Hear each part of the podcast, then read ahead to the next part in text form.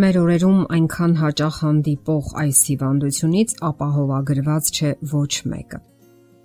Երբ է առաջանում երակների տրոմբը եւ ինչ կանխարգելիչ միջոցառումներ կարելի է նախաձեռնել, որpիսի չառաջանա։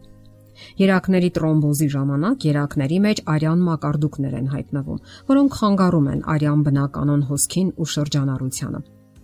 Այս հիվանդությունը հանդիպում է երկու ձևով՝ տրոմբոֆլեբիտ եւ ֆլեբոտրոմբոզ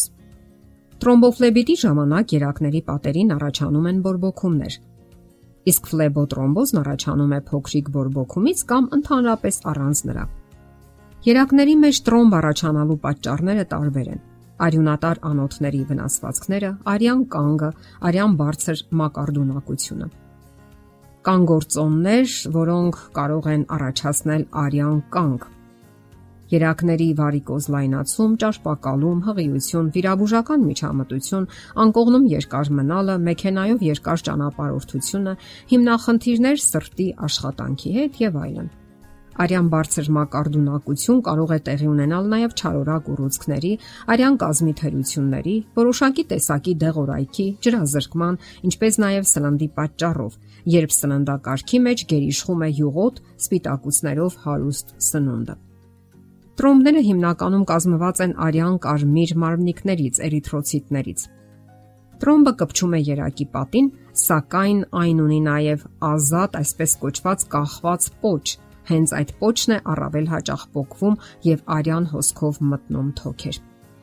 Գոյություն ունի ոչ մեծ ռիսկ, որ սուրբ տրոմբոֆլեբիտի ժամանակ կարող է առաջանալ այսպես կոչված էմբոլիա, արյունատար անոթների խցանում, որովհետև այս դեպքում արյան մակարդուկը սովորաբար ամուր է կպչում երակի պատին։ Իսկ ահա ֆլեբոտրոմբոզի ժամանակ էմբոլիայի վտանգը բավականին մեծ է։ Ասենք որ տրոմբի վտանգը առավել մեծ է այն կանանց մոտ, ովքեր խմելու միջոցով հակաբեղմնավորիչներ են ընդունում։ Ենթադրվում է, որ այդ դեպքում էստրոգենները ազդում են արյան մակարդման մեխանիզմի վրա։ Տրոմբով հիվանդները կարող են ճանենալ կամ ունենալ թույլ ախտանշաններ։ Նրանք կարող են բողոքել քոր առաջացնող ցավերից ախտահարված շրջանում, քնի ժամանակ կամ ֆիզիկական վարժություններ կատարելիս։ Ցավը հաճախ ուժեղանում է լեր կամ աստիճաններ բարձրանալիս, հատկապես եթե վարժության մեջ ներգրավված են ձկնանման մկանները։ Տրոմբոֆլեբիտի ժամանակ ախտահարված վերջավորությունը կարող է քոր գալ, բարձր ջերմություն ունենալ, զգայուն լինել։ Երակները կարող են ուռած լինել կամ նուրբ, ինչպես նաև շոշափվել ամուր հյուսվածքներ։ Կատարելով խոր շնչառական վարժություններ, մարդը բացասական ճնշում է ստեղծում կրծքավանդակում, դրանով օգնելով, որ մեծ երակները ազատագրվեն արյունից։ Այս հիվանդության հանդեպ հակվածություն ունեցող մարդիկ պետք է հաճախակի կատարեն այս վարժությունը։ Նմանատիպ պաշտպանական արդյունք է տալիս նաև երանդուն երկեցողությունը։ Ասենք որ պետք չէ նաև ոդկը ոդկի վրա գցել, քանի որ ճնշվում են արյունատար անոթները։ Հարկավոր է փոխել նաև սննդակարգը, օգտագործել բավականաչափ քանակի բջջանյութ։ Երբ դուք ոտքերը բարձրացնում եք սրտի մակարդակից վեր, ձգողականության ուժը դեպի սիրտ է մղում արյունը։ Արյան այդպիսի ուժեղացված հոսքի եւ շարժման դեպքում կարելի է խուսափել արյան կանգից եւ նոր տրոմբներ չեն առաջանա։ Այդ վարժության ժամանակ երակային ճնշումը նույնպես նվազում է, ինչը թեթևացնում է ցավերն ու այտուցները։ Լավագույնը ոտքերը 15-ից 20 սանտիմետր վեր բարձրացնելն է։ Սակայն հարկավոր է ճիշտ բարձրացնել, որpիսի ծնկները կրունկներից վերև չգտնվեն, քանի որ այդ դեպքում արգելակվում է արյան հոսքը։ Պետք չէ նաև օգտագործել գոտիներ կամ այնպիսի սեղմող հագուստ, որ արգելակեն արյան շրջանառությունը։ Քաղցի ժամանակ արյան մակարդունակությունը նվազում է, ինչը եւս օգտակար է։ Սպիտակուցի մեծ քանակությամբ սնունդը մեծացնում է արյան թանձրությունը։ Երկար ժամանակ նստելու դեպքում, ինչպես օրինակ ճանապարհորդելիս կամ հեռուստացույց դիտելիս, մեծանում է արյան կանգի հավանականությունը։ Ձգտեք յուրաքանչյուր ժամը մեկ կանգնել եւ գոնե մի քանի րոպե քայլել։ Լողը կամ պարզապես ջրի մեջ քայլելը հրաշալի վարժություն է տրոմբի կանխարգելման համար։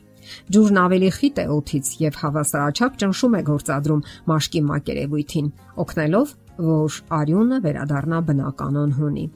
Երակների տրոմբների կանխարգելման համար խորհուրդ է տրվում յուրաքանչյուր ժամ 2 րոպեի ընթացքում կատարել հեծանիվ վարժությունը։ Առանձնապես լավ է, երբ դա համադրում եք 15 կտրուկ ուժեղ արտաշնչում ներշնչումների հետ։ Արյան խտությունը նվազեցնելու համար հարկավոր է անցնել յուղերի ցածր պարունակությամբ սննդակարգի։ Նաև հարկավոր է բավականաչափ քանակի ջուր խմել։ Մասնագետները խորհուրդ են տալիս օգտագործել օրական 2-ից 2.5 լիտր սովորական ջուր։ Որ մթերքներն են նվազեցնում արյան մակարդունակությունը։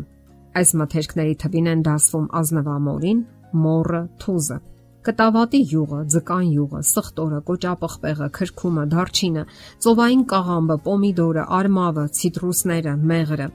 Նկատենք, որ 40 տարեկանից բարձր մարդկանց մոտ վիրահատությունից հետո աճում է տրոմբի հավանականությունը։ Այս բոլորը վերաբերում են արտաքին երակների մակերեսային տրոմբոֆլեբիտներին, իսկ խոր երակների դեպքում արդեն դրանք կարող են սպառնալիք լինել կյանքի համար։ Եվ կասկածների դեպքում արդեն անհրաժեշտ է հիվանդանոցային լիարժեք բուժում։ Եթերում է առողջ ապրելակերպ հաղորդաշարը։ Ձեզ հետ է Գեղեցիկ Մարտիրոսյանը։ Հարցերի եւ առաջարկությունների համար զանգահարել 033 87 87 87 հեռախոսահամարով։